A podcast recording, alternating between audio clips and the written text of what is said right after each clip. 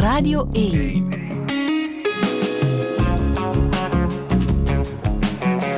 Douche. Met Friede Lesage. Touché met Marit Turnquist. Goedemorgen. Goedemorgen. Hoe gaat het? Uh, goed. ja, ik vind dat altijd een hele gekke vraag. Hoe gaat het? Ja? Het leven heeft zoveel verschillende dingen in petto. Nee, maar het gaat, het gaat absoluut goed. Ja, je hebt een uh, prachtig kinderboek gemaakt, want je bent schrijfster en illustrator. Schildpad en ik. Een boek dat wij kennen omdat het genomineerd was voor de Boonprijs. Die prijs heb je niet gewonnen. Nee. Deed dat een beetje pijn?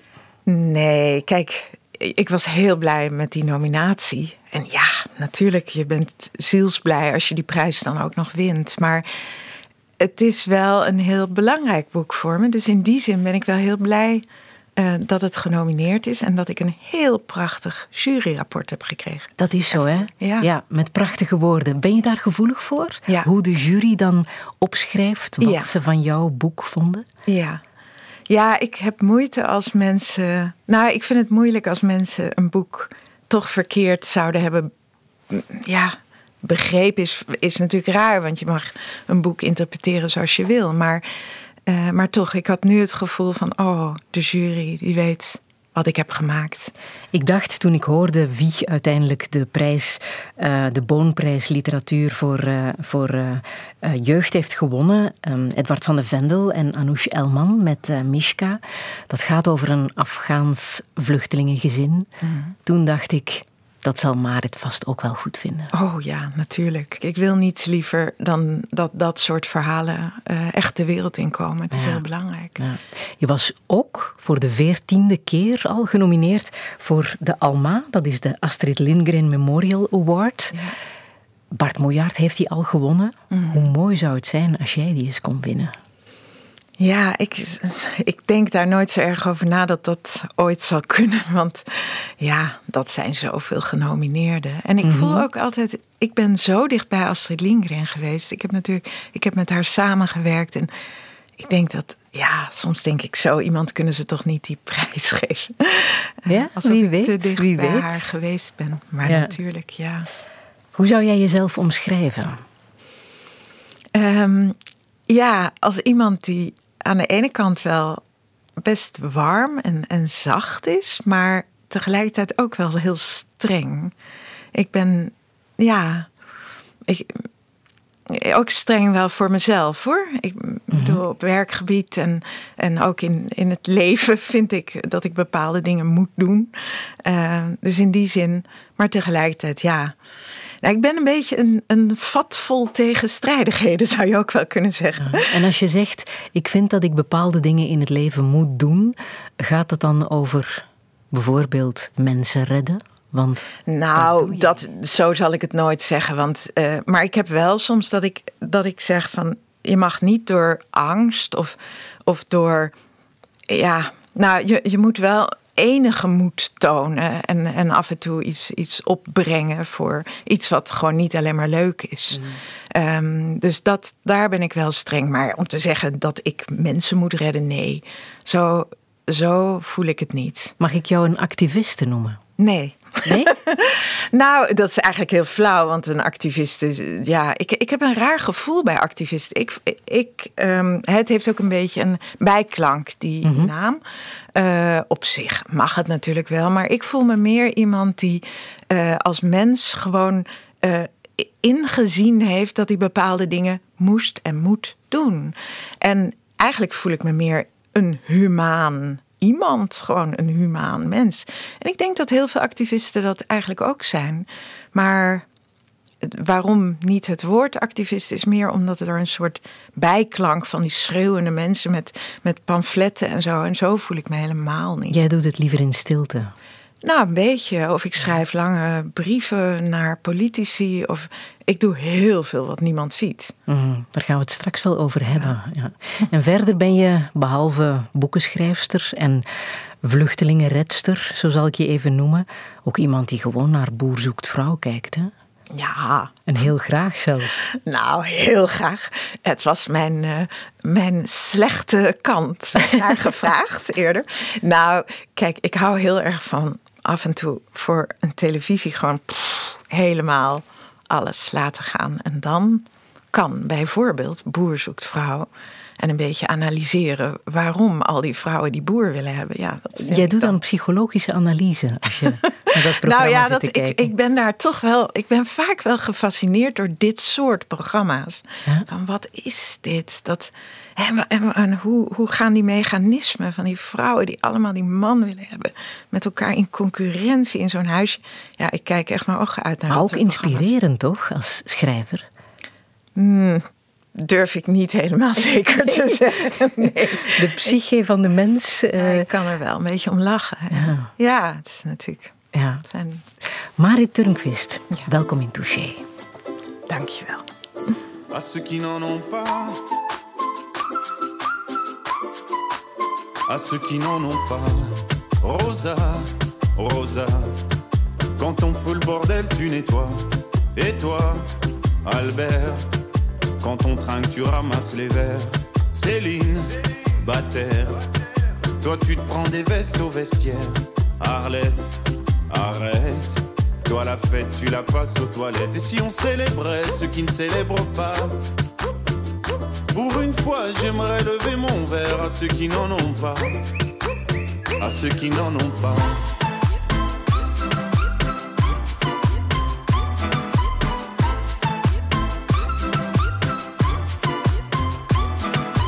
Quoi les bonnes manières? Pourquoi je ferais semblant? De toute façon, elle est payée pour le faire. Tu te prends pour ma mère? Dans une heure, je reviens. Que ce soit propre, qu'on puisse y manger par terre. Trois heures que j'attends. Franchement, il est fabrique ou quoi? Heureusement que c'est que de verre. Appelle-moi ton responsable et fais vite. Elle pourrait se finir comme ça, ta carrière. Oui, célébrons ceux qui ne célèbrent pas. Encore une fois, j'aimerais lever mon verre à ceux qui n'en ont pas à ceux qui n'en ont pas.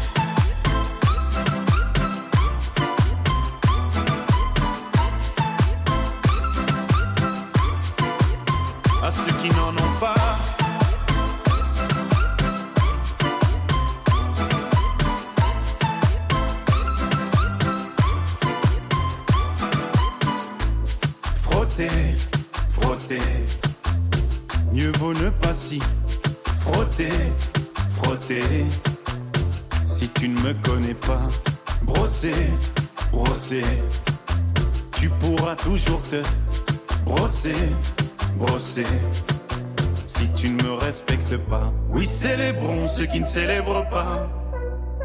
Encore une fois, j'aimerais lever mon verre à ceux qui n'en ont pas. À ceux qui n'en ont pas.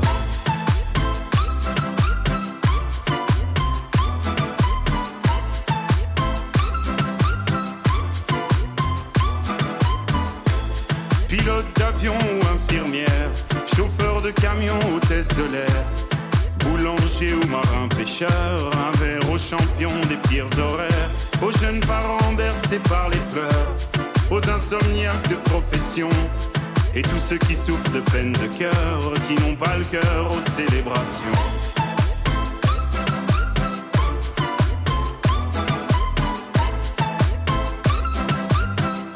Qui n'ont pas le cœur aux célébrations.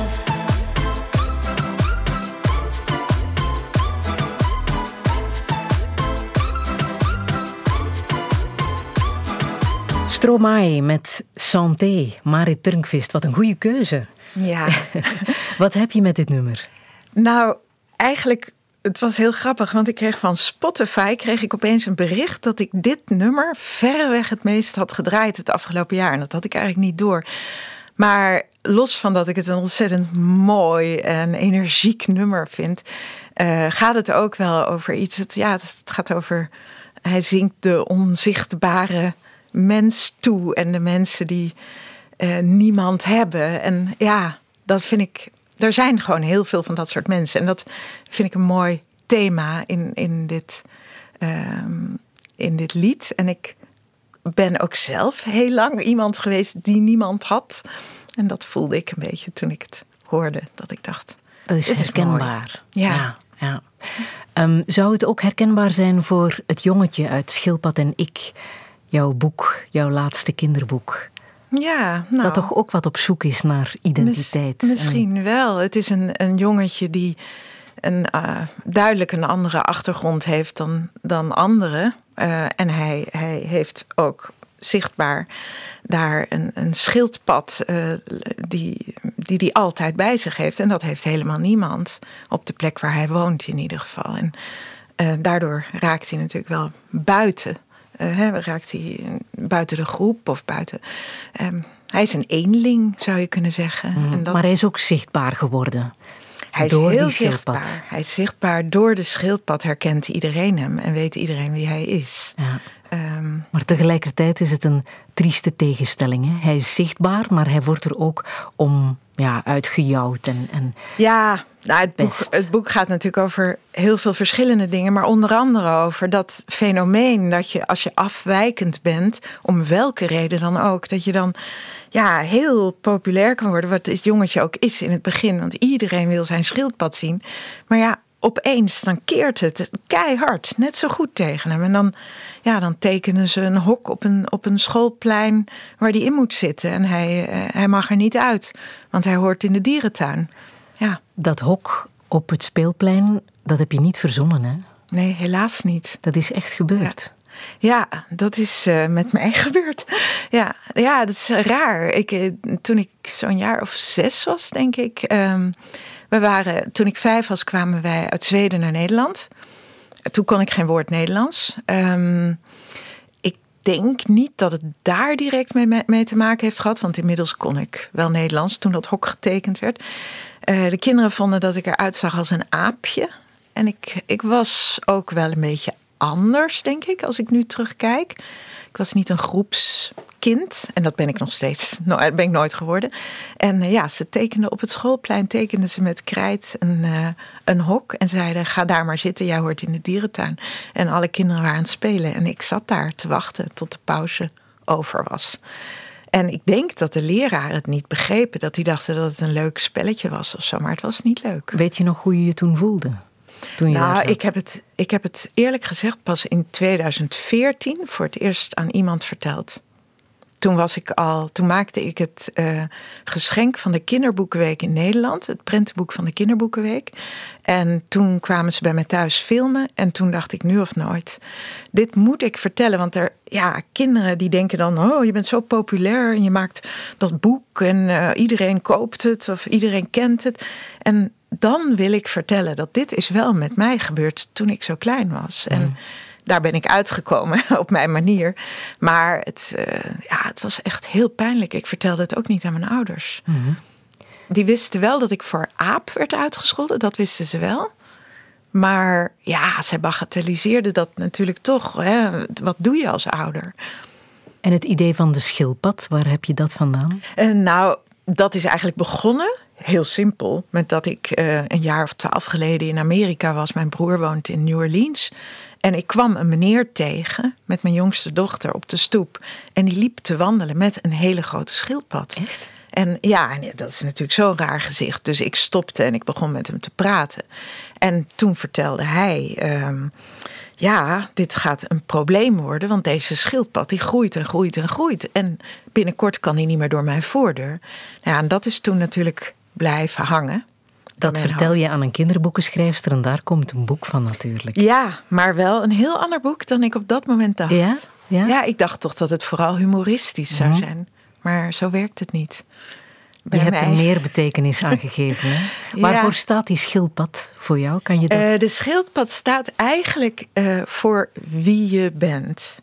Daarom is het ook verkeerd om te zeggen, wat trouwens in de standaard stond een paar keer de titel Mijn schildpad en ik. Klopt niet. Het heet Schildpad en ik. Want schildpad is eigenlijk een deel van de hoofdpersoon. En dat is ja, wie je bent en wat je dus niet mag verlogenen. En, maar dat kan ook zijn waar je vandaan komt. Dat is een deel van wie je bent. Ehm, maar het kan ook zijn eigenschappen die je hebt waar je mee worstelt en waarvan je denkt: ik wou dat het een beetje anders was. En zeker periodes van je leven denk je dat natuurlijk. Hoe belangrijk is het dat kinderen zich kunnen spiegelen aan jouw hoofdpersonage, aan dat jongetje?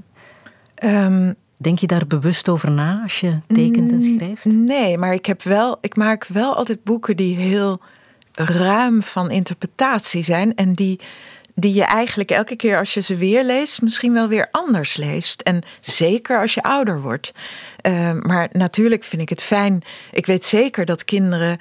Uh, aanvoelen dat het heel naar is om eerst zo populair te zijn en dan opeens zo gepest te worden, allemaal om die schildpad. En maar niet te spreken over het moment dat hij inziet dat zijn schildpad weg moet, omdat hij anders niet verder kan. Dat, ja, dat is niet. Dat is voor kinderen wel een ding. En dat wil ik mhm. ook wel dat ze voelen. Mhm. Er gaan ook mensen dood in het boek. Twee zelfs. Ja. ja. De oma en een oom. Ja. ja.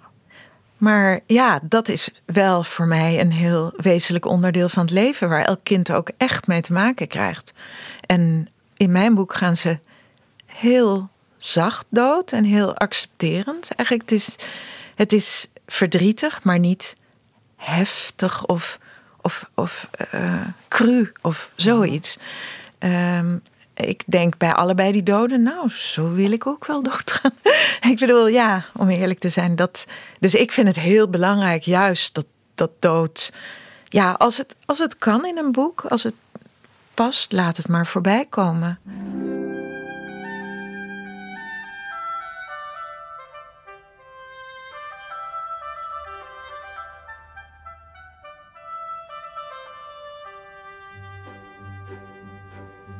me.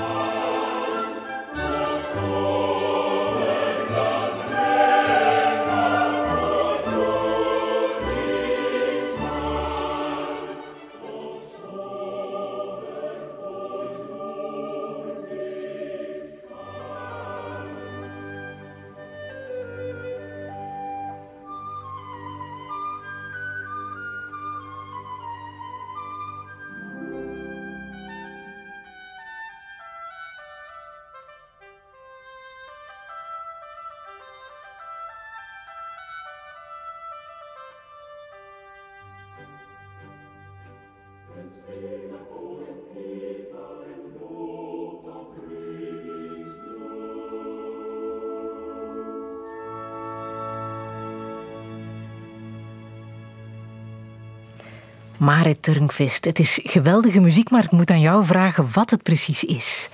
Ja, het is een stuk, het heet uh, Verkleed Gud in het Zweeds, Verklede God. En het is eigenlijk een tekst van een, uh, een, een, dichter, een Zweedse dichter, Hjalmar Gullberg. Het is heel mooi. Het is eigenlijk langer, een half uur.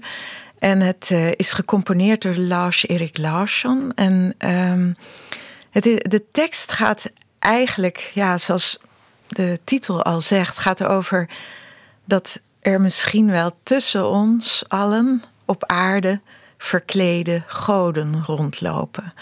En um, dit stukje gaat dan over wie speelt er op die fluit, uh, die tonen van kristal. En hij ligt gewoon, hè, het is een herder en hij slaapt gewoon uh, in het stro. Maar ja, hij kan dus iets wat, waarmee hij iets brengt tussen de mensen, wat goddelijk is. En welke herinnering roept het bij jou? Nou, het roept een hele sterke herinnering, want wij draaiden dit bij mij thuis elke oudejaarsavond. Daar was het aan verbonden. Ouders zetten het op. Ja, en dat was uh, eigenlijk heel erg. Ik vond het vreselijk, want mijn ouders gingen allebei huilen. Altijd ja. op oudejaarsavond ja. als ze dit luisterden. Ik denk dat mijn broer en zus het ook vreselijk vonden. Maar tegelijkertijd werd het toch een deel van ons. Ja, de, de muziek was natuurlijk ook om te huilen.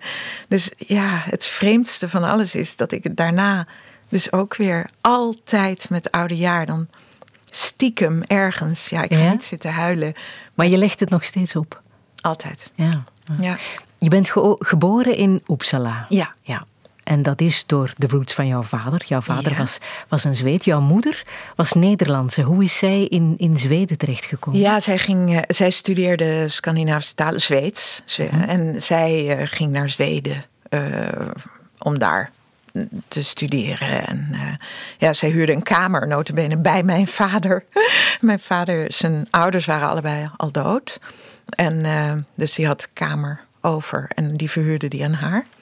En toen, eh, ja, En daar is het wat geworden. Mhm. Ja. ja. En wat voor herinnering heb je aan dat eerste leven in Zweden? Want je hebt tot je vijf woonden jullie definitief in Zweden. Ja. ja, wij woonden in dat oude huis van mijn, eigenlijk van mijn grootvader, want die was dus dood. Dus we hadden een beetje zo'n heel ouderwets interieur met heel veel boeken. Want mijn vader was literatuurwetenschapper, maar zijn vader die was ook al helemaal met boeken bezig en dialecten en weet ik wat. Ja, ik heb, ik heb wel heel sterke herinneringen. Uppsala heeft een grote domkerk en er, ja, een groot kasteel ligt boven die stad. En ja, en het water er doorheen. En ik, ik weet gewoon heel veel van die, van die sfeer van Uppsala. Maar ook dat we altijd van mei tot september gingen we naar een heel klein huisje. En het was mm, naar mijn, in mijn herinnering maar één kamer of zo. En dan eh, woonden we buiten in een dalletje met mijn moeder. En mijn vader kwam dan af en toe aanrijden. En mijn broer en, en ik waren de enige. Mijn zus was nog niet geboren. Ja, en daar wasten we ons in een meertje. En eh, ja, het was helemaal... Klinkt zo idyllisch als het beeld dat wij hebben hè, van Ja. leven in Zweden. Ja. Was het dat ook? Ja, Ja, ik denk wel. het wel. Ik denk dat wij allemaal heel blij waren in die tijd. Dus ja, dat mijn vader die baan kreeg in Nederland opeens als hoogleraar in Amsterdam. Ja, daarom gingen we verhuizen. Maar dat, dat was niet het plan. Ik kon echt geen woord Nederlands. Aha. Hoe was dat dan voor jou? Die... Ja, het is wel moeilijk om echt exact te herinneren. Maar ik weet wel dat ik dus, hè, we hebben het er net gehad over pesterijen. Maar ik weet dat ik, dat ik op die kleuterschool waar ik eerst terecht kwam in Baarn. Ja, dat de kinderen echt heel gemeen tegen me waren. Me knepen onder de tafel tot het bloeden aan mijn benen. En daar gewoon echt hele nare dingen. En dus in het begin vond ik het wel moeilijk. Maar ja, toen ik de taal eigen was, toen wilde ik niet meer terug. En mijn broer en zussen ook niet. Dus we, ja, opeens waren we toch eh, geworteld geraakt in Nederland. En kan je zeggen dat, dat jouw talent, het tekenen, ook heeft geholpen om geaccepteerd te worden? Ja. Eh, ja, ik, ik, dat tekenen dat was mijn uitvlucht. En daarbij ontdekte ik dat ik kon. ehm, ja, de, de kinderen vonden dat ik mooi kon tekenen. Dus die kwamen om een tafel staan als ik tekende en als ik schreef. Ik kon namelijk ook heel netjes schrijven. En eh, ja, dat gaf eh, een soort. ehm, rust. Uh, dan was ik minder bang voor de kinderen uit mijn klas. Maar dat was ook iets wat ik heel graag deed. Dus thuis, hè, als, ik, als ik toch in moeilijke tijden was ik altijd bezig met, met knutselen en, en, en tekenen en dingen maken. Want daar werd ik sterker van en ik vond mhm. het heerlijk om te doen. En er waren moeilijke tijden. Nou ja, ja, ja. Ik, ik ben heel, ik ben ontzettend veel gepest. Echt op de lagere school, ook op de middelbare school eigenlijk. Maar eh, als ik eraan terugdenk, mijn moeder bijvoorbeeld, die zegt dan van ja, maar je, je was best wel brutaal en je had allemaal meningen, je had allemaal dingen, je vond van alles. Nou ja, dat is natuurlijk ook het punt. Dat, dat hoorde er ook bij. Ja, ik, vermoedelijk was dat misschien ook wel de reden waarom ik uh, ja, door niet iedereen geaccepteerd werd. Want ik was niet inschikkelijk. Ik, ik, ja, ik wilde niet alles maar opofferen om ergens bij te horen. Absoluut niet. Er was een keerpunt toen je 17 was. Toen ben je gaan, gaan stappen in Lapland. en dat was echt een keerpunt voor jou. Wat, wat is daar gebeurd? Ja, toen. Uh, uh, toen ben ik uh, in de trein gaan zitten vanuit Zuid-Zweden nog 25 uur naar het noorden. En toen met een enorme rugzak op en daar gewoon tien dagen met een, met een groep hoor. Ik bedoel, ik ging niet in mijn eentje of zo. Uh, helemaal naar de Noorse kust lopen. En toen, ik had zo'n raar gevoel toen ik over die poolcirkel kwam. En er werd, het werd steeds maar leger en er was steeds minder. En ja, ik had bijna het gevoel alsof ik thuis kwam daar. En dat was natuurlijk heel raar, want ik was er nog nooit geweest. Maar uh, ik heb wel ontdekt uh, in die periode dat hoe minder er is, hoe minder mensen er zijn, hoe, hoe meer natuur er is, hoe meer harmonisch ik eigenlijk word. Hoe rustiger ik, ik word in mezelf. En um, misschien omdat ik denk, ach, ik ben maar een deel van een heel groot geheel of zo. Dat dat die rust geeft, ik weet mhm. het niet. Maar in ieder geval ga ik relativeren ervan.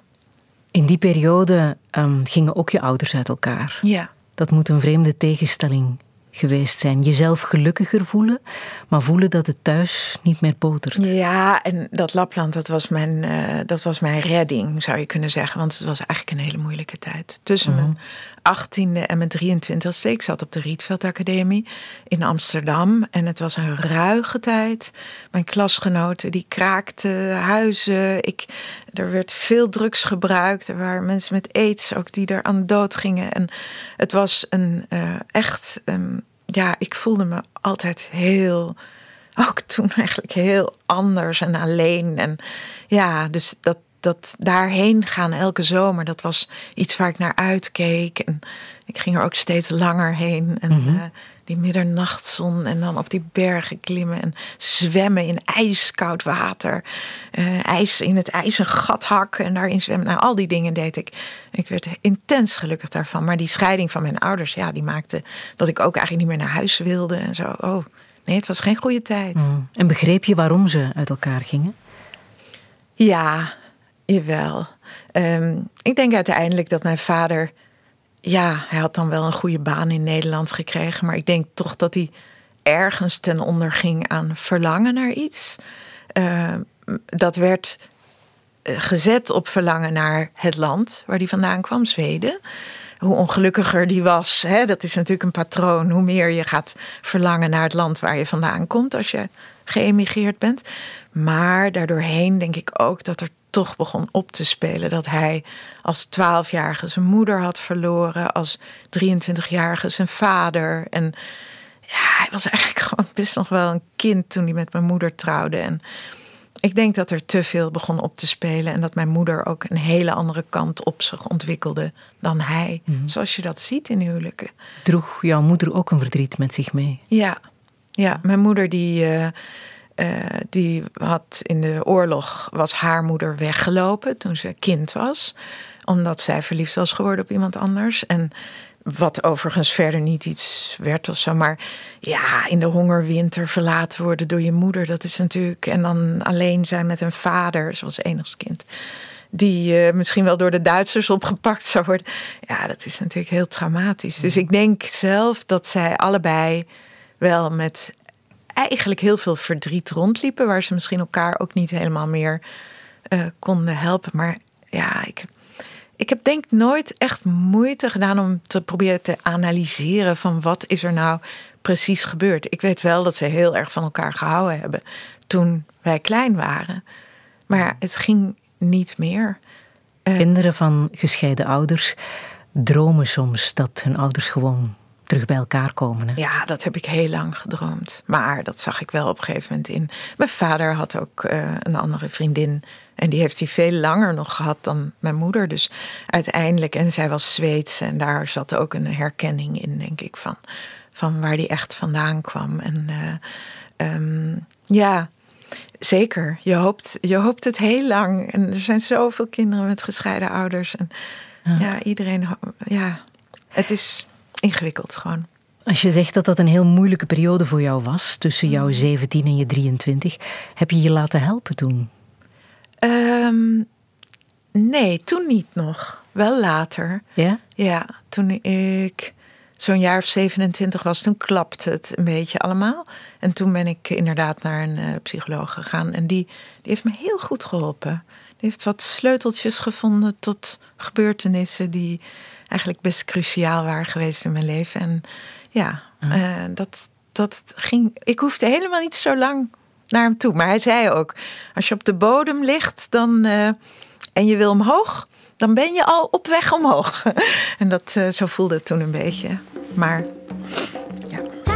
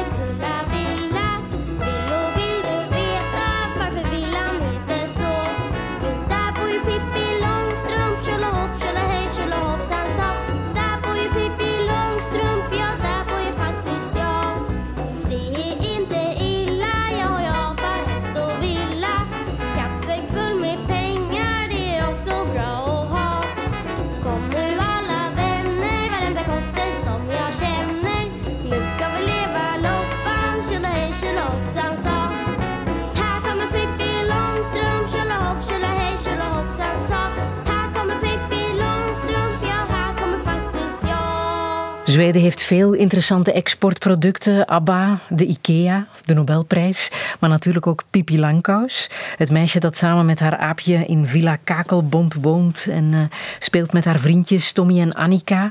Naar dat beroemde boek van uh, Astrid Lindgren uit 1945. Later ook een succesvolle tv-serie geworden. En daardoor kennen wij het allemaal natuurlijk. Hè. Um, Marit Turnkvist, jij bent hiermee opgegroeid. Maar niet alleen met de boeken, ook met de schrijfster zelf, met Astrid Lindgren. Ja, nou ja, mijn moeder die vertaalde haar werk naar het Nederlands. En mijn moeder was een hele serieuze vertaalster. Dus als ze uh, vragen had, dan nam ze contact op met de schrijver. En zij nam dus ook contact op met Astrid Lindgren toen zij al heel jong was. Met het gevolg dat Astrid mij ook als eenjarige gewoon heeft gezien. Sterker nog, ze wilde dat ik een rol zou gaan spelen in een film. Uh, de kinderen van de zeekraaibaai. Maar ik, ik liep te laat, dus dat uh, ging mis. nou ja, uiteindelijk misschien ook goed. Maar ja. daar, um, ja, dus ik heb haar eigenlijk meegemaakt uh, al als klein kind. En, en het contact zat ook goed, had ik de indruk, tussen jouw moeder en. en ja, ze schreven veel brieven met elkaar en ze hielden, een, ze hielden contact eigenlijk tot Astrid heel oud was. Het enige wat gek was, uh, dat was dat natuurlijk ik op een bepaald moment met haar begon samen te werken. Ja. Hoe is dat gekomen? Nou, dat is eigenlijk heel grappig. Want door die samenwerking, of doordat mijn moeder haar werk vertaalde naar het Nederlands, wilde zij op een bepaald moment heel graag een huisje kopen in Zweden, wat in Småland lag, de geboorteprovincie van Astrid Lindgren. Dus daar ben ik weer als kind steeds gekomen in alle vakanties. En daardoor had ik al die tekeningen gemaakt van die rode huizen en die meren en die koeien. En, en toen ik na mijn eindexamen op de Rietveld Academie naar Zweden ging en bij een Zweedse uitgever mijn werk liet zien, toen zeiden ze: Ja, maar dit is Astrid Lindgren. Maar zij hadden geen idee dat ik Astrid al kende. Laat staan dat mijn moeder haar vertaalster was. Dus, maar het had wel natuurlijk toch met elkaar te maken. Dus toen heb ik, uh, mijn debuut was een boek voor Astrid Lindgren, een prentenboek. Ja. Ja. Iets later kreeg je nog een uh, huzarenstukje te verwerken. Ja. Want jij hebt ook Junibakken eh, gerealiseerd. Ja. Dat is dat ehm, ja, verhalenhuis in Stockholm. Ja. Dat eh, speelt rond de verhalen van Astrid Lindgren. Een, een enorm project. Ja, het was, Was dat? gigantisch. Nou, ik moet ook eerlijk zeggen dat toen ik daarvoor benaderd was, toen was ik, ik denk dat ik 29 was toen ze Ah. bij me kwamen. En ik dacht, wat willen ze nu gaan doen? Oh nee, vreselijk. Ze willen een soort, soort ride maken door de boeken van Astrid Lindgren. Ik, ik vond het chockerend eigenlijk. Eh, maar uiteindelijk eh, realiseerde ik mij dat als ik het niet zou gaan doen, dan zou zeker iemand anders het gaan doen. Dus eigenlijk heb ik daarom die opdracht aangenomen. Maar geen makkelijke opdracht. Helemaal niet makkelijk. Het was duizend vierkante meter, zeven meter hoog. En ik heb uiteindelijk de leiding gehad over tussen 50 en 70 mensen. En ik heb alle decors ontworpen van die hele reis.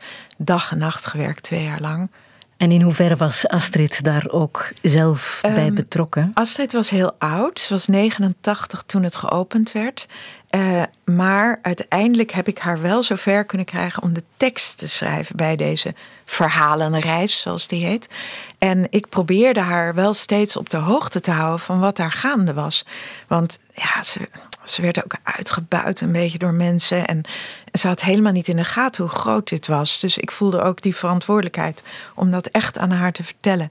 Eh, dus ze heeft het helemaal ge- meegekregen tot het eind aan toe. En zelfs de tekst met mij samen geschreven. Ik, eh, ze was wel een beetje de boeken vergeten, moet ik eerlijk zeggen.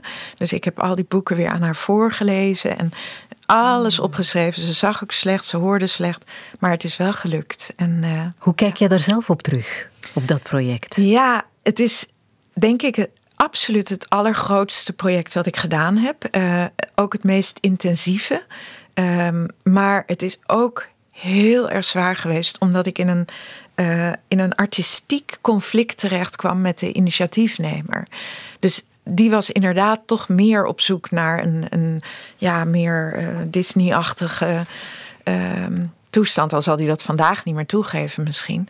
En ik had echt het gevoel van nee, ik zoek de theaterversie hè, van haar werk. Ik zoek naar iets heel verfijns. En dus het was, ja, het was gewoon een twee jaar artistieke strijd. En ik, ik Want was het is wel moeilijk als het gaat over kinderen, dat Ja. je makkelijk kan vervallen in commercieel gewin. Heel veel werd er gezegd. Kinderen zien dit niet. Kinderen zien alles. Oh. Dat dacht ik toen. En dat is ook. eh, maar het was, ja, het was een, eh, een raar project waarin ik ook wel eh, betrekkelijk onzichtbaar bleef. En met name na afloop, ik, dat was hard voor mij. Want ik was echt fysiek ook kapot. Ik was helemaal kapot. En, en ik, ik kreeg eigenlijk na de opening door de koning, de koningin. ehm, Ja, iedereen was daarbij. Iedereen het was, was, een daarbij. gigantisch ik moment in Zweden. Wat ik deed Ja. daar bij de opening was, ik liet een witte duif los. Iemand had van mijn bouwers, die had witte duiven. En ik zei, dat is symbolisch. Astrid, die heeft in de Gebroeders Leonard, schrijft ze over Sophia, Ja. die de witte duiven loslaat. Hè, als symbool voor de vrijheid. En, de, en, nou, en dat voelde ik van, dat wil ik nu doen. Daar ben ik heel blij om dat ik dat heb mogen doen. Maar eh, uiteindelijk amper met iemand van media gepraat. Want Je naam ja, werd niet genoemd. Nee, mijn naam werd een beetje verzwegen daar in het begin. En dat was, nu weten best veel mensen, maar nog steeds, Junnebakken is bekend. Maar dat ik dat gemaakt heb. Bij deze hebben wij het nog even Ja. in, eh, in de verf gezet. Ehm, Astrid Lindgren is gestorven in januari 2002. Ja. Ze was toen 94. Ja, eh, ja, ik geloof 94 of 3, ja, 94. Ben je nog bij haar langs geweest? Eh, ik ben na Junnebakken nog meerdere Ja. malen bij haar langs geweest, jawel. Ehm, ik ging eigenlijk altijd bij haar langs als ik in Stockholm was. En dan, dat was heel leuk. Ze had, een, eh, ze had een code bij haar deur, 1747. En dat weet ik nu nog, omdat ze dan zei... Je kan hem heel makkelijk onthouden. Je zingt gewoon... 17 dacht ik dat ik was, maar ik was 47. Maar ze vond het fijn dat je ook onverwacht langskwam. Ja, Ja. Want ze was alleen, hè? Ze woonde alleen en uh, nou, ze was toen ook heel vergeetachtig inmiddels hoor. Dus ik meldde natuurlijk ook wel dingen als, als ik kwam. Maar je merkte dat ja, het leven van zo'n bekend iemand, wat dan zo klein wordt opeens, dan gebeurt er bijna nooit meer iets onverwachts. Laat Wel zij dat zo leuk vond, onverwachte dingen. Ja. Ja, en avonturen. En ik ook. Ja. Dus dat konden we dan samen nog even doen. Heb je avonturen met haar beleefd? Jazeker. Ik heb met haar bijvoorbeeld in een luchtballon gevlogen over Stockholm toen ik een van mijn boeken in Schemerland maakte. Want toen toen moest ik eh, de stad van bovenaf eh, tekenen. En ik wist echt niet hoe ik dat moest doen. Ik kon geen foto's vinden, niks. En uh, toen was ik bij haar en toen sprak ik mijn nood uit daarover. En toen zei ze van, oh, ik mag nog een verjaarscadeau voor mijn 85ste was het geloof ik. En toen vroeg ze een luchtballon met mij. Echt waar? Ja. En dat werd gerealiseerd natuurlijk. Ja, nou, het was wel vreselijk eindigde het hoor. Want we moesten een soort noodlanding maken. Want degene die die ballon bestuurde, die bleek zo zenuwachtig te worden... van dat hij Astrid Lingen in de ballon had. Ja, dat was allemaal... heilig hè, in Zweden. Ja, helemaal heilig. Helemaal heilig. Nog, hoe, nog hoe, hoe, ver ging dat? Kom Bij haar begrafenis stonden honderdduizend mensen langs de weg. Ja. ja. Ja, en eh, ja, in de kerk zaten eh, kinderen die zaten dagen, eh, nou ja, de dag daarvoor of twee dagen daarvoor al met slaapzakken voor de kerk, omdat ze erin wilden. Er was één klein stukje voor openbaar. En daar, ja, nee, het was echt, de mensen liepen te huilen. Echt allemaal mensen uit de gekste hoeken. Ook gewoon rechts, links, iedereen. En nu nog, hè? Ze eisen haar werk op, extreem rechts en extreem links. Iedereen probeert haar werk in de politiek te gebruiken. Mm, want ze had ook een duidelijke stem hè, in Zweden. Als zij iets zei, dan werd er geluisterd. Ja.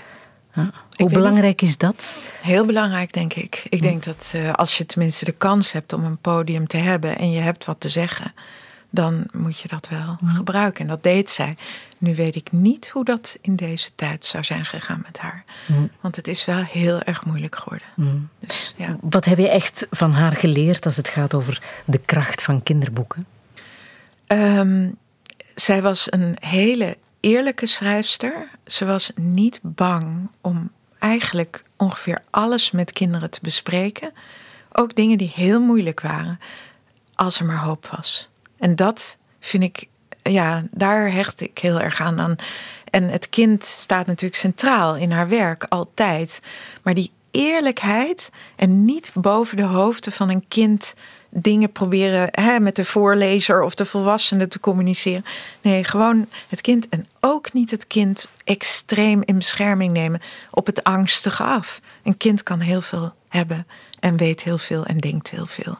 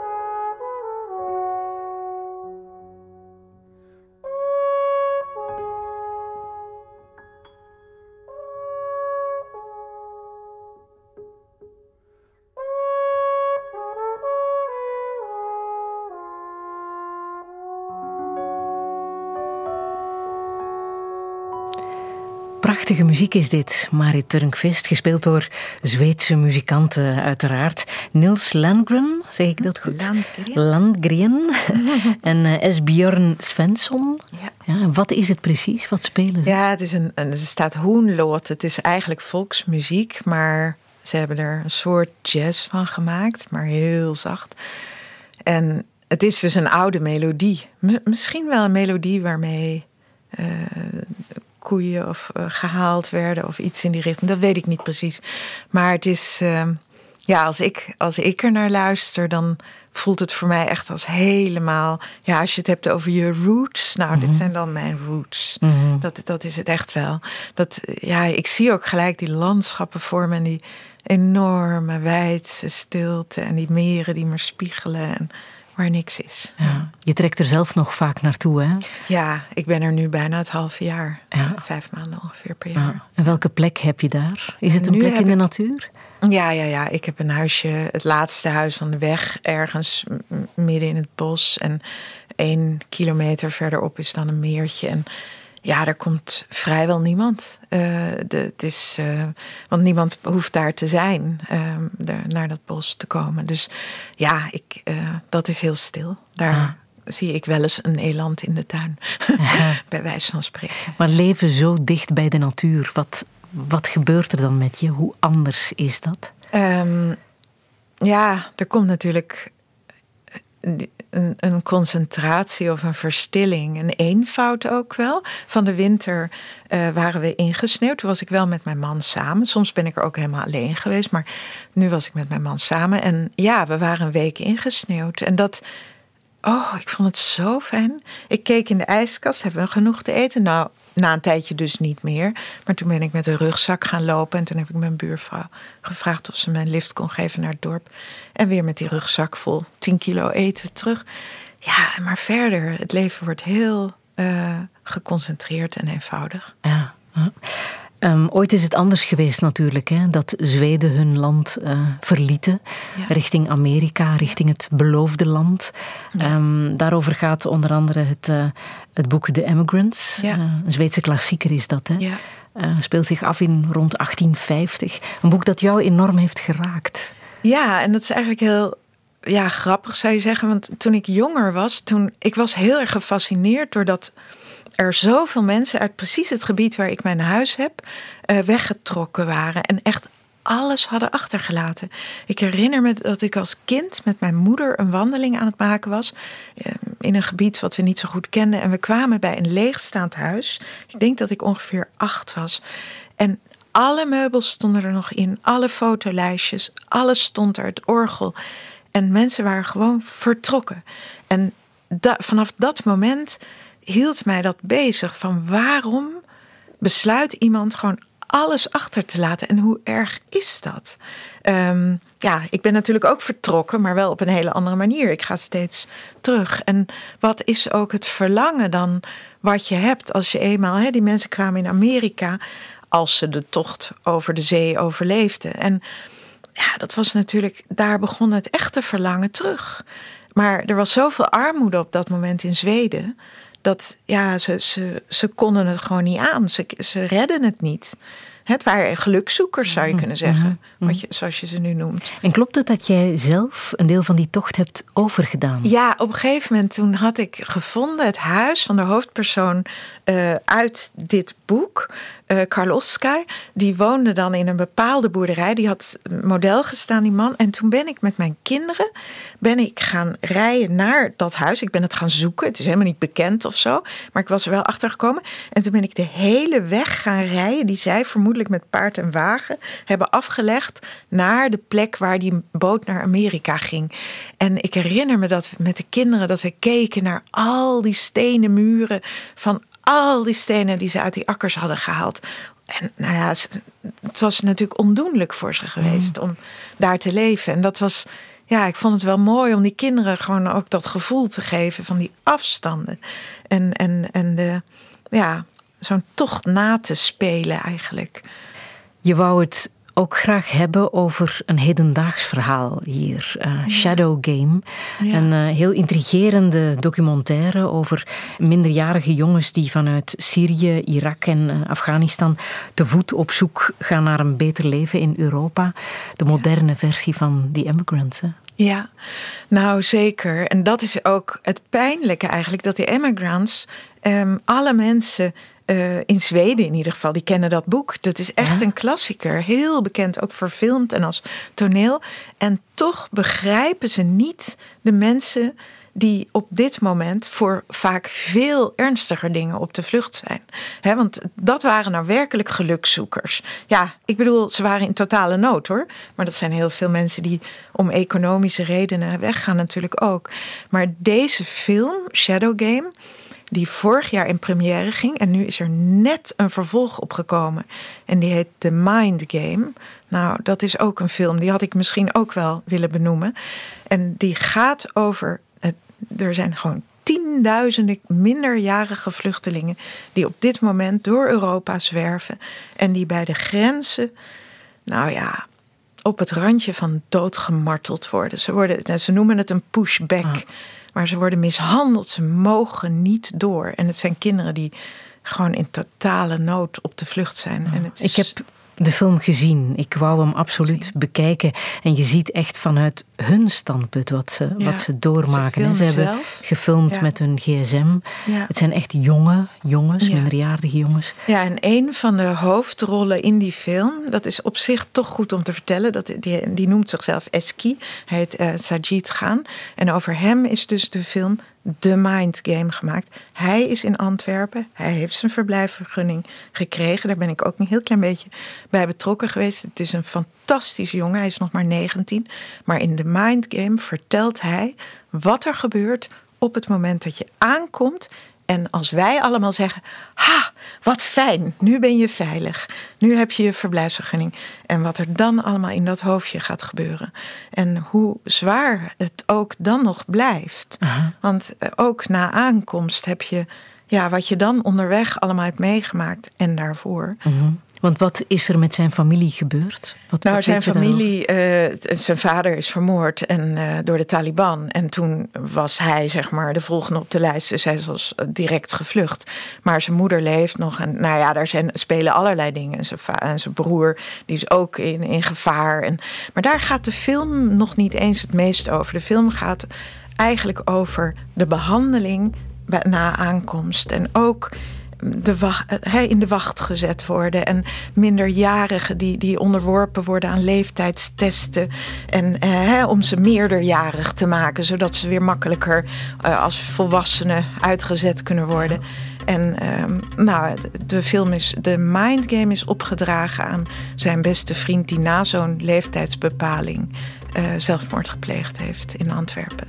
Omdat hij het omdat hij volwassen verklaard werd. Mm nou, Dit is nog muziek uit The Shadow Game. Oh, mooi.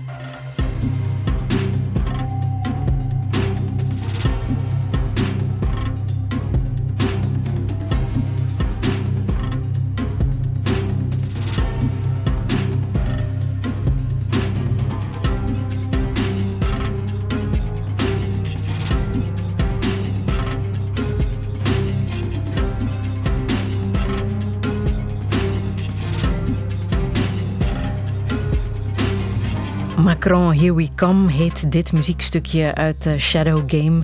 Het is um, een zin die een van de jongens schrijft op de muren van een vuile tunnel waar ze doorheen gaan aan de grens met Frankrijk. Marit Turnkvist, we praten zo meteen verder. Ja.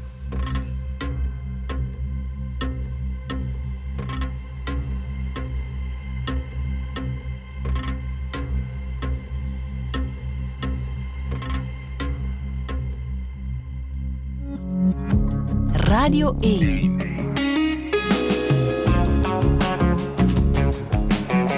Douche. Met Friede Lesage. En met auteur en illustrator Marit Turnkvist, auteur van het kinderboek Schildpad en ik. Haar vak leerde ze niet alleen van de befaamde Rietveld Academie, maar ook van haar moeder en van Astrid Lindgren, de Zweedse kinderboekenschrijfster met wie ze bevriend was. Ze is ervan overtuigd dat kinderboeken wel degelijk een verschil kunnen maken als het over begrip van de wereldproblematiek gaat.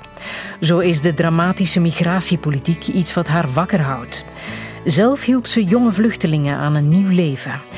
Maar hoe moet het verder? Krijgen we dit probleem ooit opgelost? Dit is Touché met Marit Turnkvist. Een goede middag.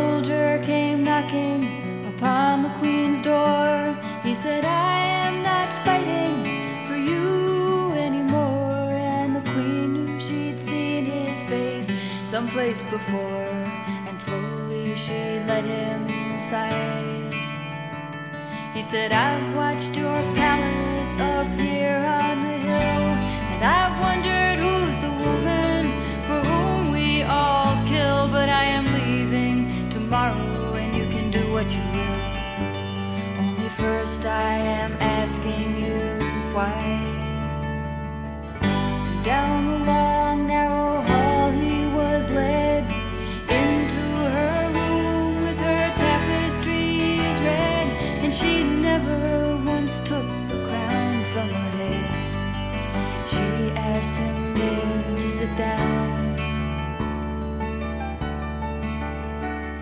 said, I see you now, and you are so very young, but I've seen more battles lost than I have battles won, and I've got this intuition says it's all for your fun. And now will you tell me why? Well, the young queen, she fixed him with an arrogant eye. She said, You won't understand, and you may as well not try. But her face was a child, and he thought she would cry.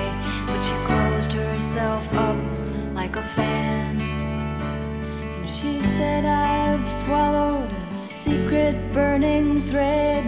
It cuts me inside, and often I've bled. And he laid his hand then on the top of her head. And he bowed her down to the ground.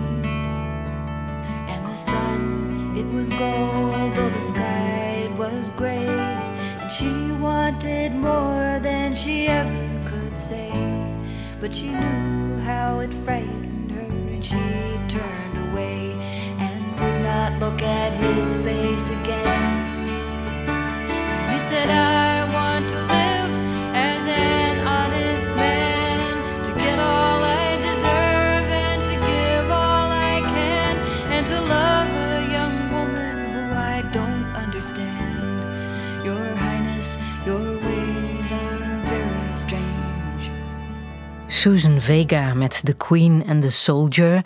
Marit Turnkvist, je koos het omdat het een heel betekenisvol nummer is. Hè? Ja, het gaat natuurlijk over iets van alle tijden. Machthebbers die in hun eenzaamheid besluiten nemen. En uh, als op het moment dat iemand ze vraagt waarom, ja, die die vraag gewoon niet kunnen hanteren. En dat gebeurt in dit lied. De soldier vraagt de queen waarom, maar met name raakt hij haar gevoelens. En op dat moment kan ze hem alleen maar doden. Om, en, en de oorlog gaat door. Het is een heel somber lied.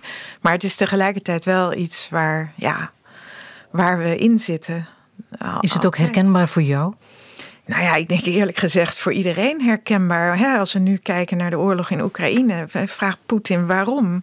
En, en, en, ja, toen ik het voor het eerst hoorde in de jaren negentig, waren er weer andere oorlogen. En, maar het pijnlijke is natuurlijk wel dat, dat je, je moet blijven waarom vragen. We moeten. Dat, dat is wel, uh, en ook al, ook al kost het hem de kop uiteindelijk, mm. deze soldaat. Vorig jaar um, had je een ontmoeting met de toenmalige uh, Zweedse um, premier Magdalena Andersson. Um, naar aanleiding van uh, The Big Loss, denk ik. Hè? Ja. Het, uh, de kunstinstallatie die in Zweden uh, te zien was. Um, heb je toen ook waarom gevraagd? Ja, ja ik, ik was drie dagen voor het parlementsgebouw gaan zitten met een installatie op Internationale Vluchtelingendag. Eigenlijk heel engig, zou je kunnen zeggen. Uh, ik had 500 gedenkteksten geschreven over mensen die gedeporteerd zijn of weggevlucht uit Zweden in hun nood of die zelfmoord hebben gepleegd. Dus een hele heftige installatie. En uh, toen kwam de premier naar buiten en toen heb ik haar gekaapt. En toen ben ik met haar gaan praten en ik heb natuurlijk aan haar gevraagd van is dit, is dit het land wat jij wil regeren? Waarin mensen die absoluut recht hebben op asiel dat niet krijgen en ja, besluiten daar een eind aan te maken, kinderen. Uh, maar ook uh, een land waar mensen als ik opeens uh, iemand moeten gaan verstoppen, laten onderduiken, omdat die anders misschien het niet gaat overleven. Dat heb ik allemaal aan haar gevraagd. Ik begon zelfs te huilen. ik weet niet of het aankwam. Ik dacht toen dat het aankwam, daarom huilde ik ook. Maar na afloop dacht ik, nou, ze heeft het denk ik weer ergens geparkeerd. En de battle continues on, zoals in het lied. Ja. ja. en ondertussen zijn er ook andere machthebbers. Uh, ja, nu inmiddels is, de, is, is zij zelfs weg Zweden. en hebben een -hmm. veel gruwelijker regering. En dit is nu, begint het heel, heel ernstig te worden in mm. Zweden. Hoe klinkt de migratiepolitiek nu in Zweden? Vreselijk. Het is, uh, het is nu een van de hardste landen van Europa aan het worden. Er komt ook bijna niemand meer binnen. Um, ze willen mensen die na jaren vechten een permanente verblijfsvergunning hebben gekregen. Die vergunningen willen ze weer openbreken en weer tijdelijk maken, zodat die mensen weer in angst zijn het land te moeten verlaten. En er is nog veel meer aan de hand. Uh, het is echt gruwelijk wat ze. Mm. Uh, het, is, het is ook gegrond in een diep geworteld uh, racisme. En waar komt dat vandaan, denk je? Ja, dat is altijd heel moeilijk te zeggen. In Zweden was de ontevredenheidspartij de Sverigedemocraten. Maar dat is wel een op nazi gestoelde partij. Waar heel duidelijk gesproken wordt over, over groepen mensen die niet thuis horen in de Zweedse uh, cultuur en maatschappij. En ik denk dat Zweden zo weinig menging heeft gekend eerder dat ze nu ook, ja, er is een zondebok-sfeer hangt er. De, de, de, mensen met een andere migratieachtergrond, die zijn echt nu de zondebok. Er is een diep geworteld racisme. Uh, en dat komt nu allemaal boven. En men schaamt zich er ook niet meer voor. Het is heel, heel erg. Ja. Je zei zo net, mensen zoals ik die jongens verborgen hebben gehouden ja. om ze te beschermen. Dat heb je echt gedaan, hè? Ja, ja, ik ben, in, ik ben in een hele rare situatie terechtgekomen. Wat ik ook zei, van ik noem mezelf niet een activist of zo. Maar ik had gewoon, ik had in een AZC met kinderen getekend. En er, dat is een er asielcentrum? Was, ja, ja, ja. sorry. Dat is het Nederlands mm -hmm. woord. Asielzoekerscentrum. En ja, en daar uh, was een jongen van in de begin twintig. En die hielp mij met vertalen. Hij sprak acht talen. Dus, en hij, hij vond het leuk met kinderen. En een jaar later kwam ik hem tegen. En ik herkende hem amper. Hij was helemaal vermagerd. En hij liep als een oude man bijna met uitslag. En het trilde. En ik, ik vroeg, wat is er aan de hand? En hij zei van, ja, ik, ik heb mijn laatste afwijzing gekregen. En uh, als ze me nu vinden en ze zetten me uit naar Kabul, hij kwam uit Afghanistan, dan uh, ga je, de dood wacht op mij in Kabul, zei hij letterlijk. En toen ben ik met hem gaan zitten, want ik begreep het helemaal niet. Ik dacht, dat kan niet. Iemand die, hè, die denkt dat hij dat niet gaat overleven, die krijgt bescherming.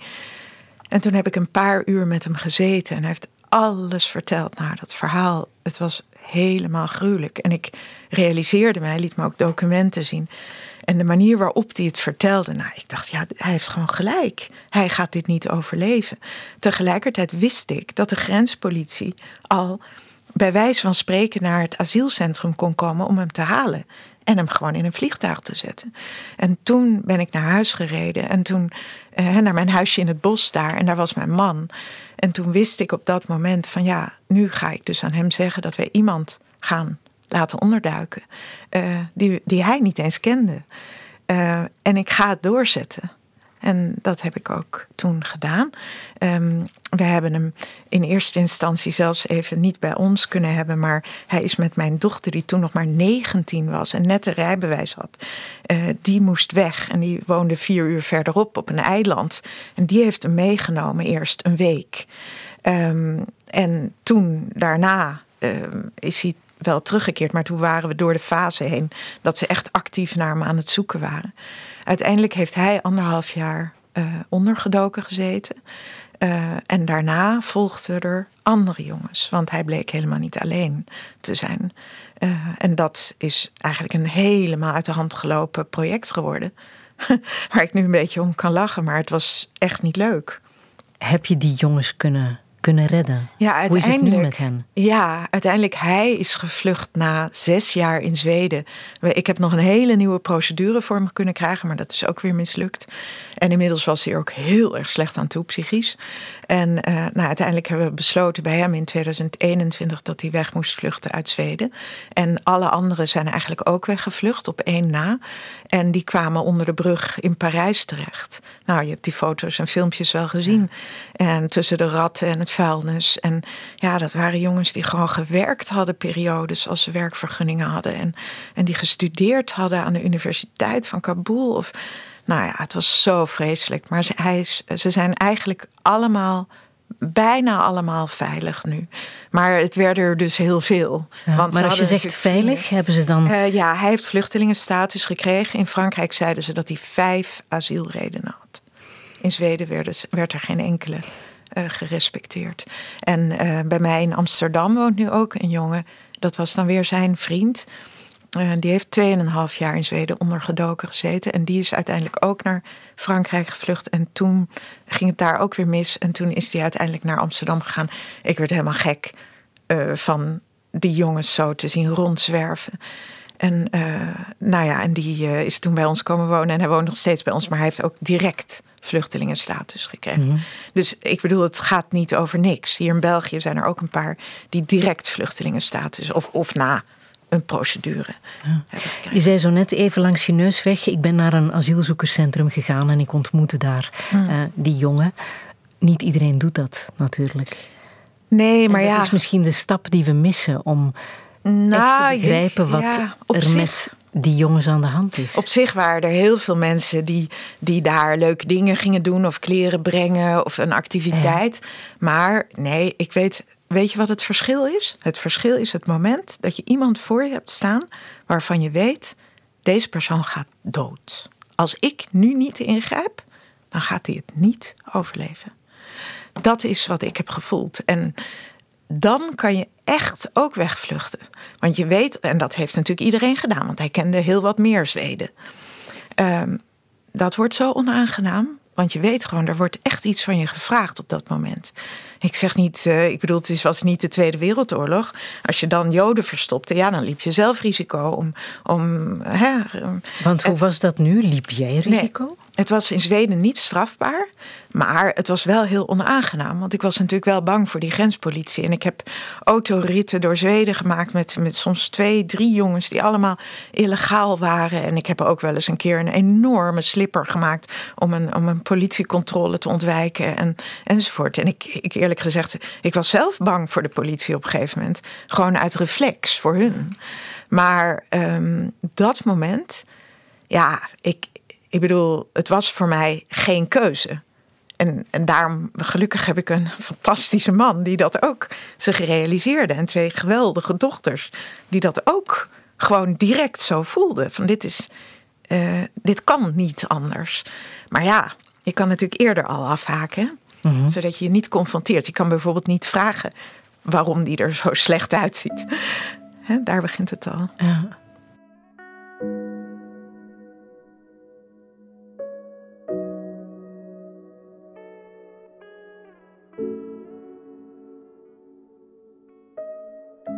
برای توی کوچه رخصیدن برای ترسیدن به وقت بوسیدن برای خواهرم خواهرت خواهرامون برای تغییر مغزها که پوسیدن برای شرمندگی برای بیپولی برای حسرت یک زندگی معمولی برای کودک زبال گرد و آرزوهاش برای این اقتصاد دستوری برای این هوای آلوده برای ولی و درختای فرسوده برای پیروز و احتمال انقرازش برای سگهای بیگناه ممنوعه برای گریه های بیوقفه برای تصویر تکرار این لحظه برای چهره ای که میخنده برای دانش آموزا برای هاینده برای اجباری برای نخبه های زندانی برای کودکان افغانی برای این همه برای غیر تکراری برای این همه شعارهای تو خالی برای آوار خونه های پوشالی برای احساس آرامش برای خورشید پس از شبای طولانی. برای غرص های حساب و بیخوابی برای مرد میهن آبادی برای دختری که آرزو داشت پسر بود برای زن زندگی آزادی.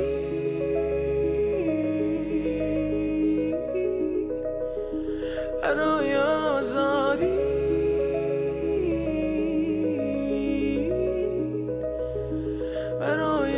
was on.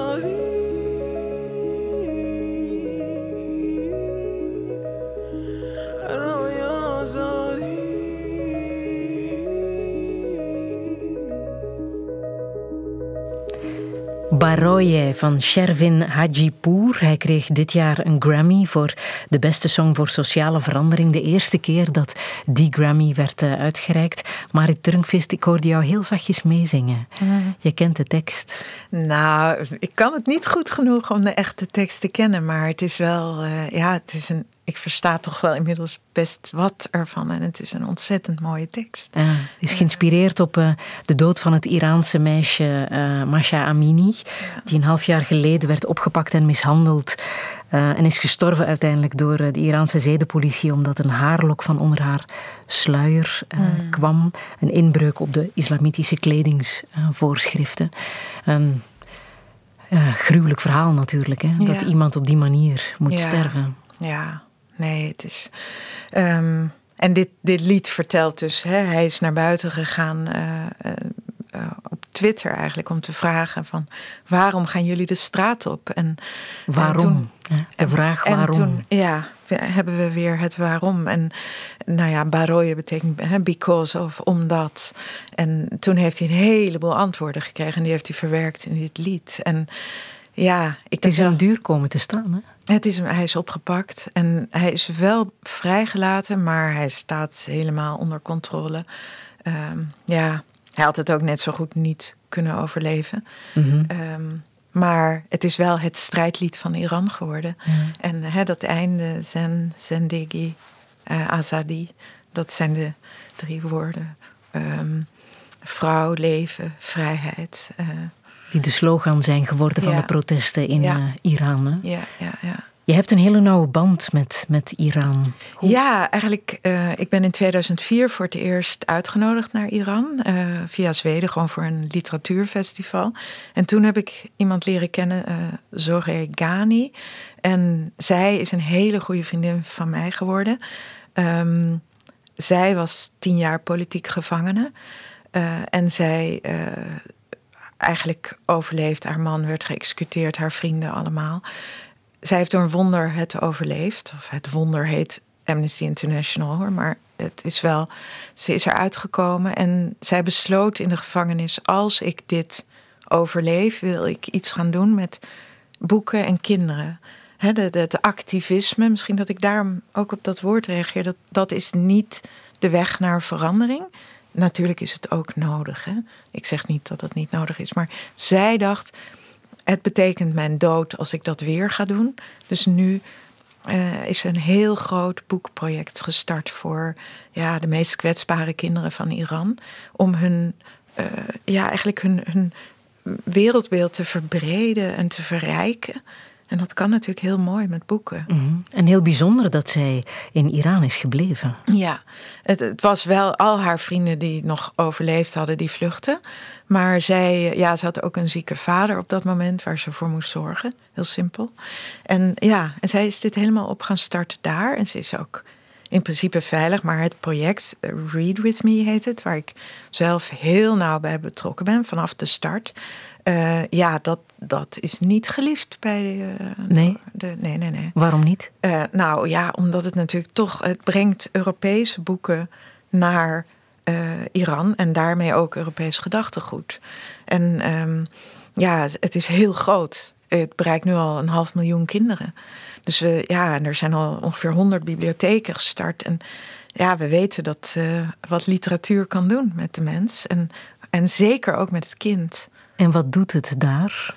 Nou, wat je ziet is dat um, de, de, ook de mensen die gaan werken met die kinderen, dat zijn er inmiddels ook weer duizenden, die leerkrachten, die ja, door, doordat ze met boeken werken en, en ook um, ja, eigenlijk programma krijgen hoe ze met de kinderen praten over die boeken, ja, geeft het dus inderdaad de kinderen een soort vrijplaats waar ze, waar ze niet alleen boeken lezen, maar waar ook naar ze geluisterd wordt en waar ze hun dromen um, ja, kunnen dromen en hoop kunnen houden. En, en ook moeilijke dingen kunnen bespreken. En ja, eigenlijk de dingen die wij in het Westen redelijk normaal vinden, maar die daar helemaal niet mm -hmm. gewoon zijn in zo'n onderdrukte wereld. Dus Want hoe gaat het nu? Op dit moment hebben jullie nog contact? Ja, ja, ja. Oh god, elke week een paar keer. Ja, ja want ik begeleid ook uh, meerdere illustratoren in Iran. Die coach ik bij het maken van hun prentenboeken.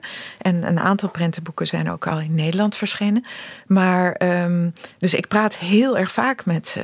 En ja, ze hebben echt nog wel hoop. Uh, ze, bijvoorbeeld mijn vriendin, die loopt nog steeds zonder hoofddoek. Um, en echt in de winkels en, en zo. En, maar ze is natuurlijk ook niet de bangste. Um, maar de meisjes, um, ja, het is ook, ook gruwelijk. Ja, het is een soort combinatie van dat er is wat beweging en dat, maar tegelijkertijd er vallen ook heel veel doden. En, uh, Zie je daar ooit verandering in komen? Nou, Zullen ja, de protesten eerlijk iets gezegd, uithalen? omdat zij steeds tegen mij zeggen: het gaat gebeuren, het gaat gebeuren. Het lijkt op dit moment dat ze toch wel echt hoop hebben. Ze zeggen: dit is niet meer omkeerbaar wat wij hier meemaken. En ik hoop dat ze gelijk hebben. Mhm. Het is echt, Want het eh, is een prachtig land. Hè? Jij hebt ook Ja. dankzij jouw contacten daar de mooiste plekjes eh, Oh, heb- van de wereld gezien, denk ik. ja, ik. heb gereisd helemaal naar de Perzische Golf, naar Isfahan. Ik ben ook in een aardbevingsgebied geweest bij de grens met Irak. En daar heb ik ook met kinderen gewerkt. Maar ja, ik heb daardoor wel inderdaad heel veel gezien. En ook plekken die je, hè, ook hele prachtige, eh, idyllische plekken. En in dat water daar bij de zee, waar tussen de dolfijnen. En, ja, waar, wat bijna een beetje bijbelsachtige plaatsen zijn die je helemaal niet wist dat ze bestonden zo mooi. Ja. Ah.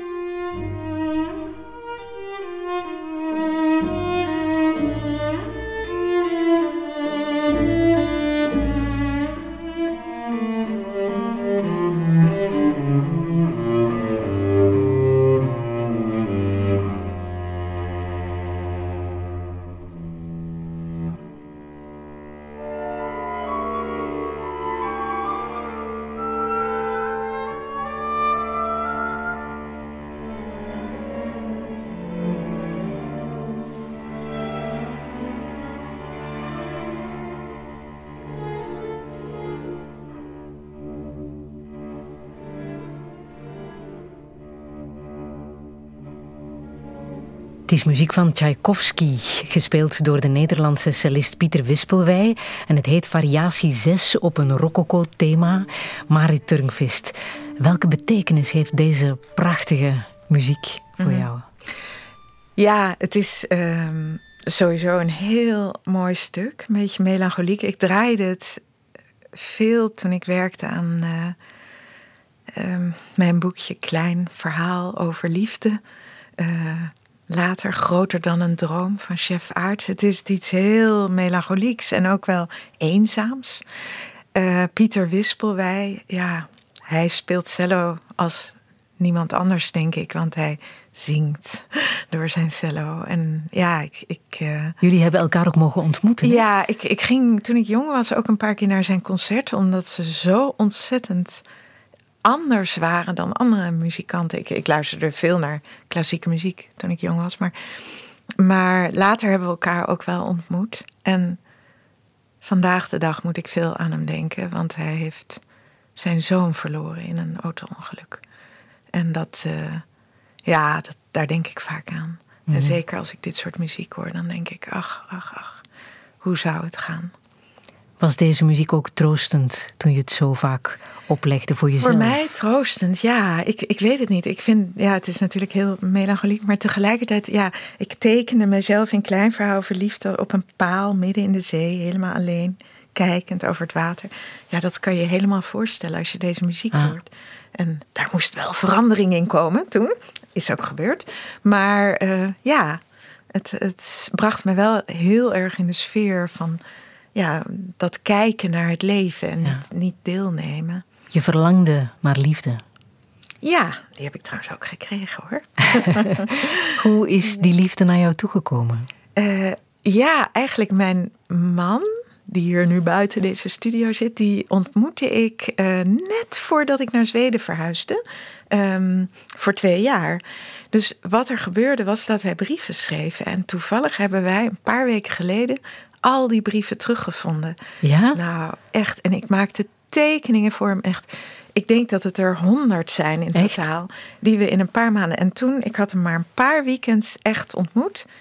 En toen vroeg ik of hij met me wilde trouwen. En nu zijn we 27 jaar getrouwd. En dat, ja, die brieven, daar ben ik wel benieuwd naar. We hebben alles nog. Ik heb ook alle brieven van hem aan mij. Ga je daar iets mee doen? Ik weet het nou niet publiceren hoor. Maar wel misschien, eh, ja, samen op volgorde leggen of zo een. Ja. Maar kan je zeggen waarom hij het is geworden? Want je zei zo net, ik, ik ben heel lang alleen geweest. Ik Ja. ben twaalf jaar. Ja, dat Op mezelf is zoiets geweest. raars. En liefde kan je niet kiezen, echt. Hè? En ik denk, Ad lijkt op niemand. Ad is alleen maar zichzelf. Hij kan niet anders zijn dan zichzelf. En ik denk dat ik naar zo iemand op zoek was. Want die is ook stevig. Dat is ook wel een rots.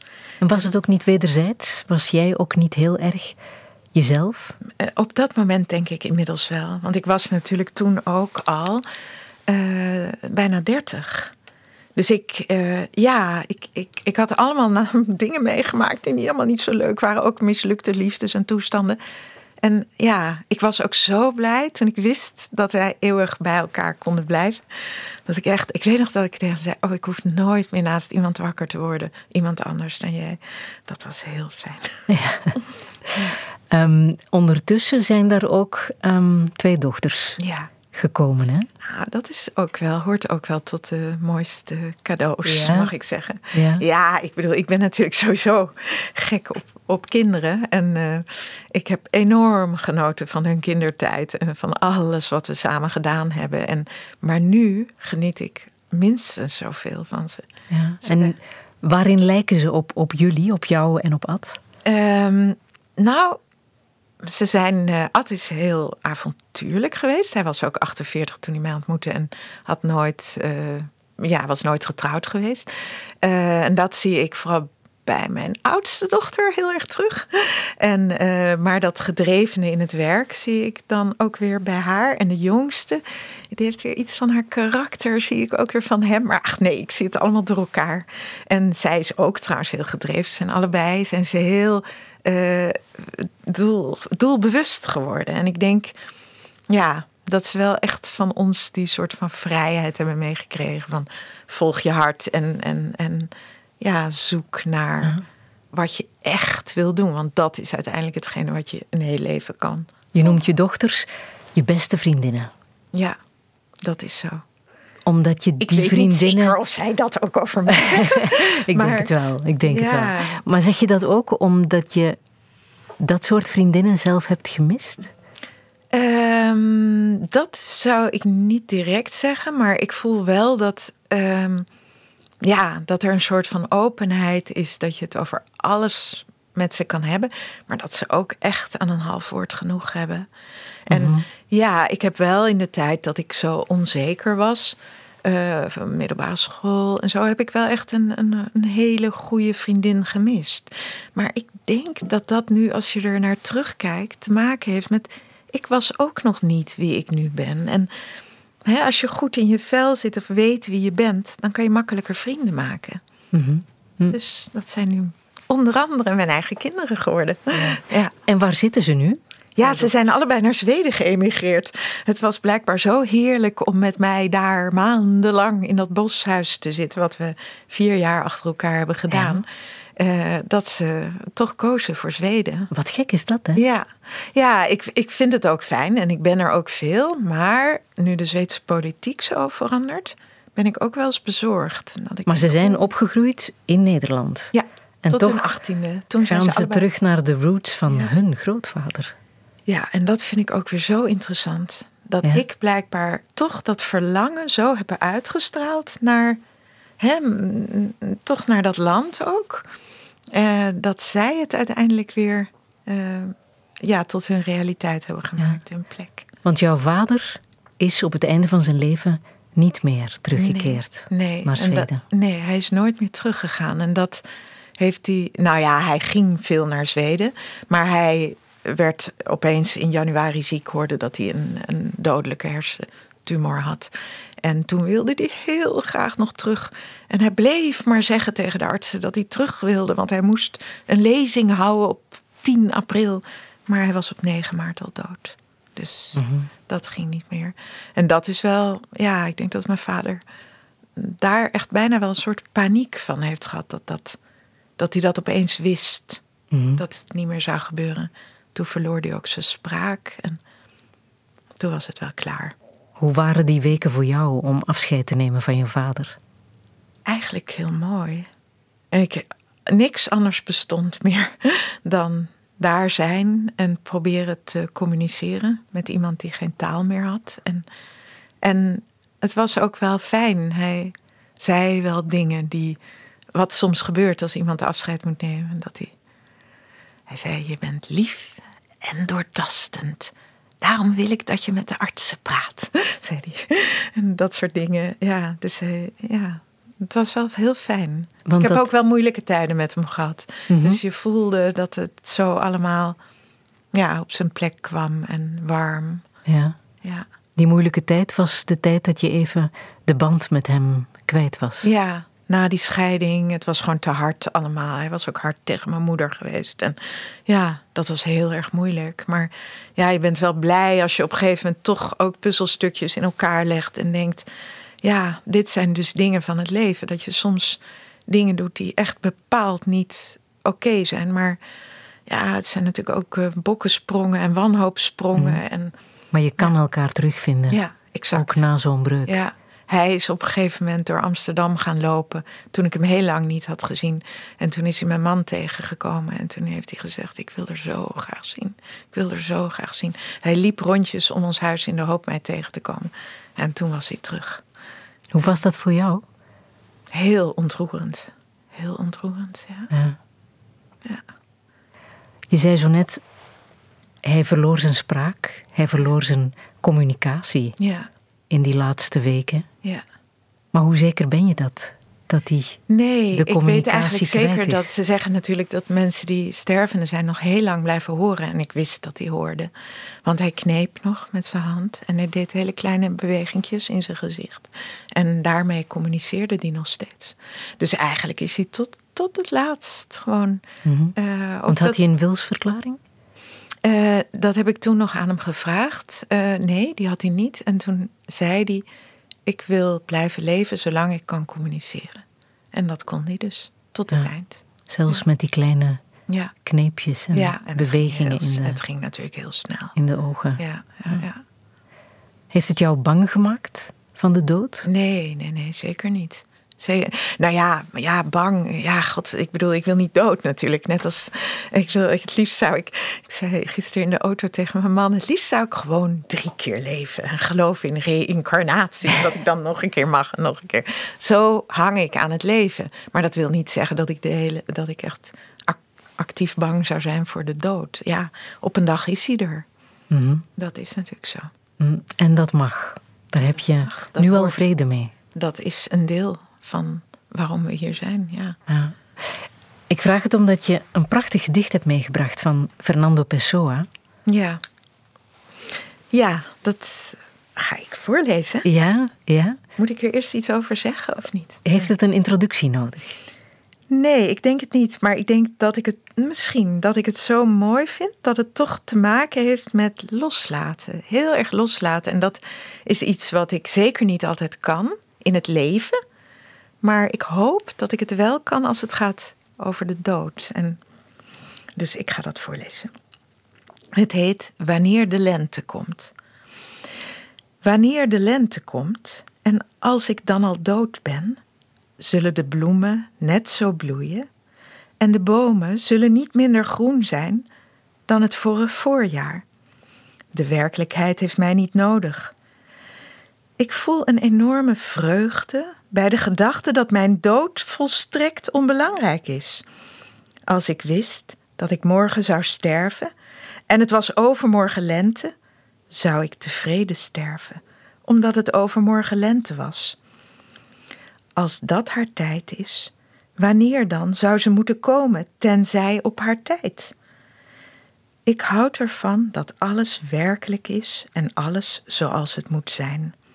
Daar houd ik van, omdat het zo zou wezen, ook als ik er niet van hield.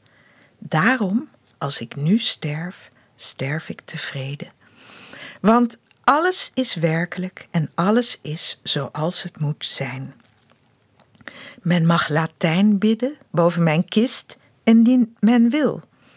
Indien men wil, mag men rondom dansen en zingen. Ik heb geen voorkeur voor wanneer ik toch geen voorkeur meer kan hebben.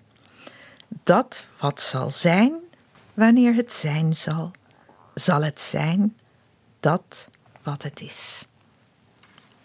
Jouw man wil het in elk geval al op zijn begrafenis.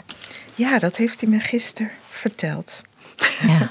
Ja, hij is iemand die eh, heel goed kan loslaten. Aha. En een stuk ouder. En hij is een stuk ouder dan ik. Ben je daarmee begaan? Ja. Ja. Wordt het tuurlijk. leeftijdsverschil voelbaarder als je Ja. ouder bent? Ja. ja, je zit in verschillende fases. Dat is zo.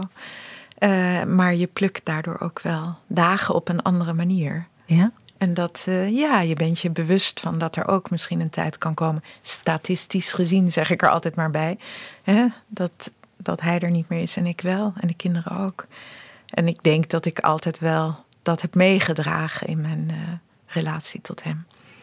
Maar ik ben heel blij dat hij eh, ja, wel een a- heel accepterend mens is. Heel vrij van gedachten. En zeker niet iemand die regeert over zijn dood.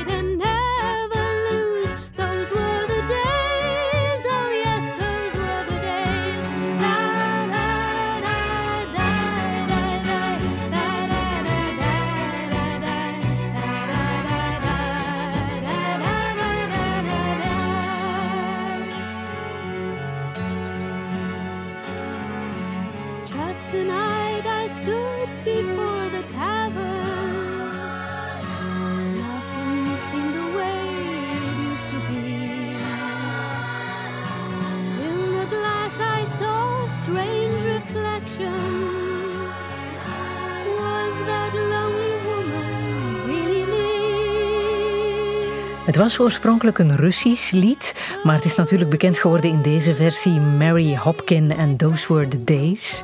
Eh Marit Turnquist, wat betekent het voor jou, dit, dit vrolijke lied? Ja, het is gewoon eh, een lied van mij van vroeger, wat mijn ouders draaiden. We hadden zo'n heel klein singeltje met een appel erop. Eh, wat ze allebei heel leuk vonden en wat ik toen op dat moment nog niet echt kon invoelen. En nu, als ik het hoor, dan denk ik, oh ja, dat hadden zij natuurlijk, dat ze al terugdachten aan Those, Those were the were the days, days. Toen ze jong waren en Ja.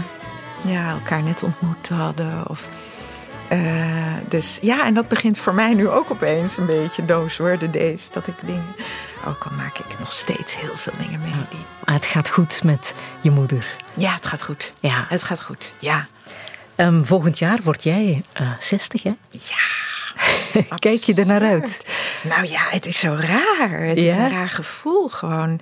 Ja, ik heb toch het gevoel dat ik eigenlijk vergeten ben dat ik ouder werd nadat ik 35 was of zo. Ik ben gewoon maar allemaal dingen gaan doen de hele tijd. En dan opeens, oh god, ik ben 60. Ik heb nog steeds de kleren in mijn kast hangen van toen ik 17 was. Ja, eh, ik ben ook niet, ja, ik ben natuurlijk wel gerimpeld geworden, maar ik ben verder niet zo heel erg veel veranderd ook. Dus En wat zou je nog willen in het leven? Ja, ehm, oh, dit is wel een hele grote vraag. Ja, ik wil natuurlijk met name nu gewoon doorgaan met, met die boeken maken. Ik ben niet iemand die allemaal van die grote, hoge doelen zet. Ehm, we hadden het net over Iran. Ik zou heel graag eh, met mijn kinderen ooit naar Iran reizen en daar vieren dat de vrouwen vrij zijn daar. Maar ehm, ja, ik ben eigenlijk wel tevreden met het leven zoals het is. En ik wil natuurlijk, eh, ja, ik wil wel dat de wereld er anders uitziet. Maar daar heb ik niet zoveel over te zeggen. Hmm, je hebt toch een stem? Ja. Wat zou je willen zeggen aan de wereld? Nou, aan de wereld zou ik wel willen zeggen dat ehm, als een kind geboren wordt, dan zien wij dat als een kans, als een aanwinst, als een mens die ertoe doet en die misschien wel iets fantastisch gaat worden. Als er iemand op de vlucht naar ons land komt, dan is dat een probleem wat aankomt. En ik denk dat we iets in ons hoofd moeten omzetten en mensen die hè, deze kant op komen, dat we nou eens echt gaan proberen die als kansen te zien, als, als mogelijkheden, als aanwinst. Hè? Een kans om mee bevriend te raken, om mee te gaan werken, om, om te helpen, om zich te ontwikkelen. Dat is, als we die gelijkheid, dat beeld niet kunnen krijgen, ja, dan blijven ze op straat liggen bij hè, hier in Brussel, het kleine kasteeltje. Eh, het, het moet veranderen. Dit is, dit is echt wat moet veranderen. En eh, de kijk naar de medemens. We zijn echt gewoon allemaal mensen.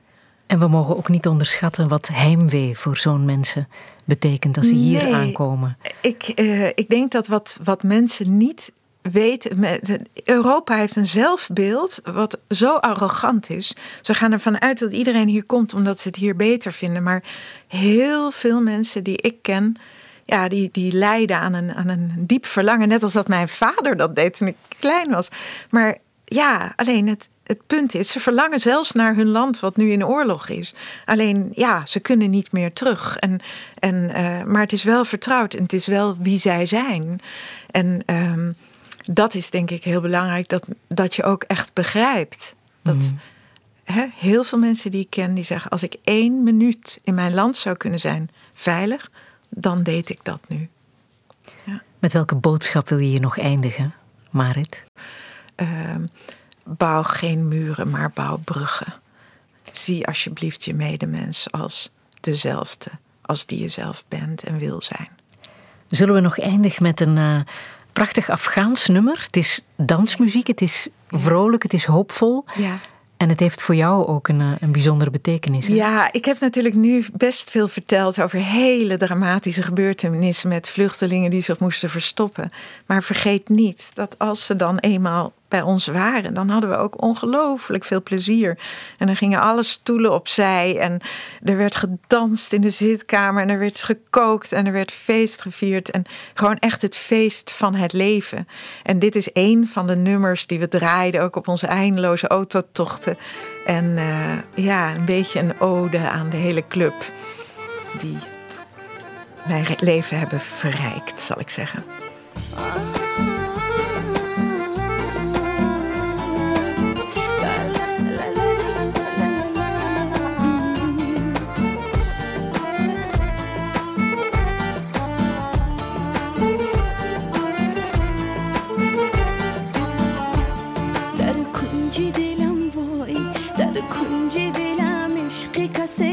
na na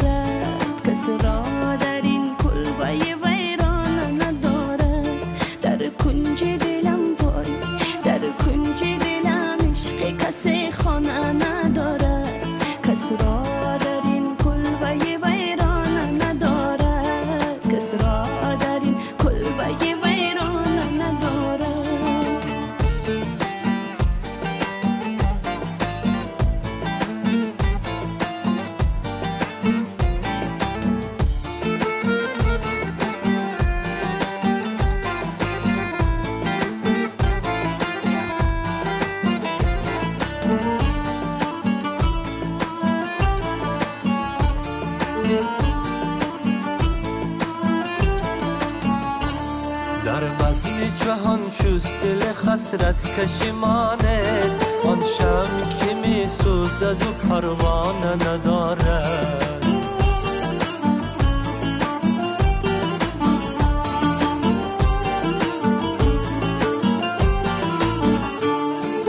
بزم جهان چوست دل خسرت کشیمانست آن شم که می سوزد و پروانه ندارد. در کنج دلم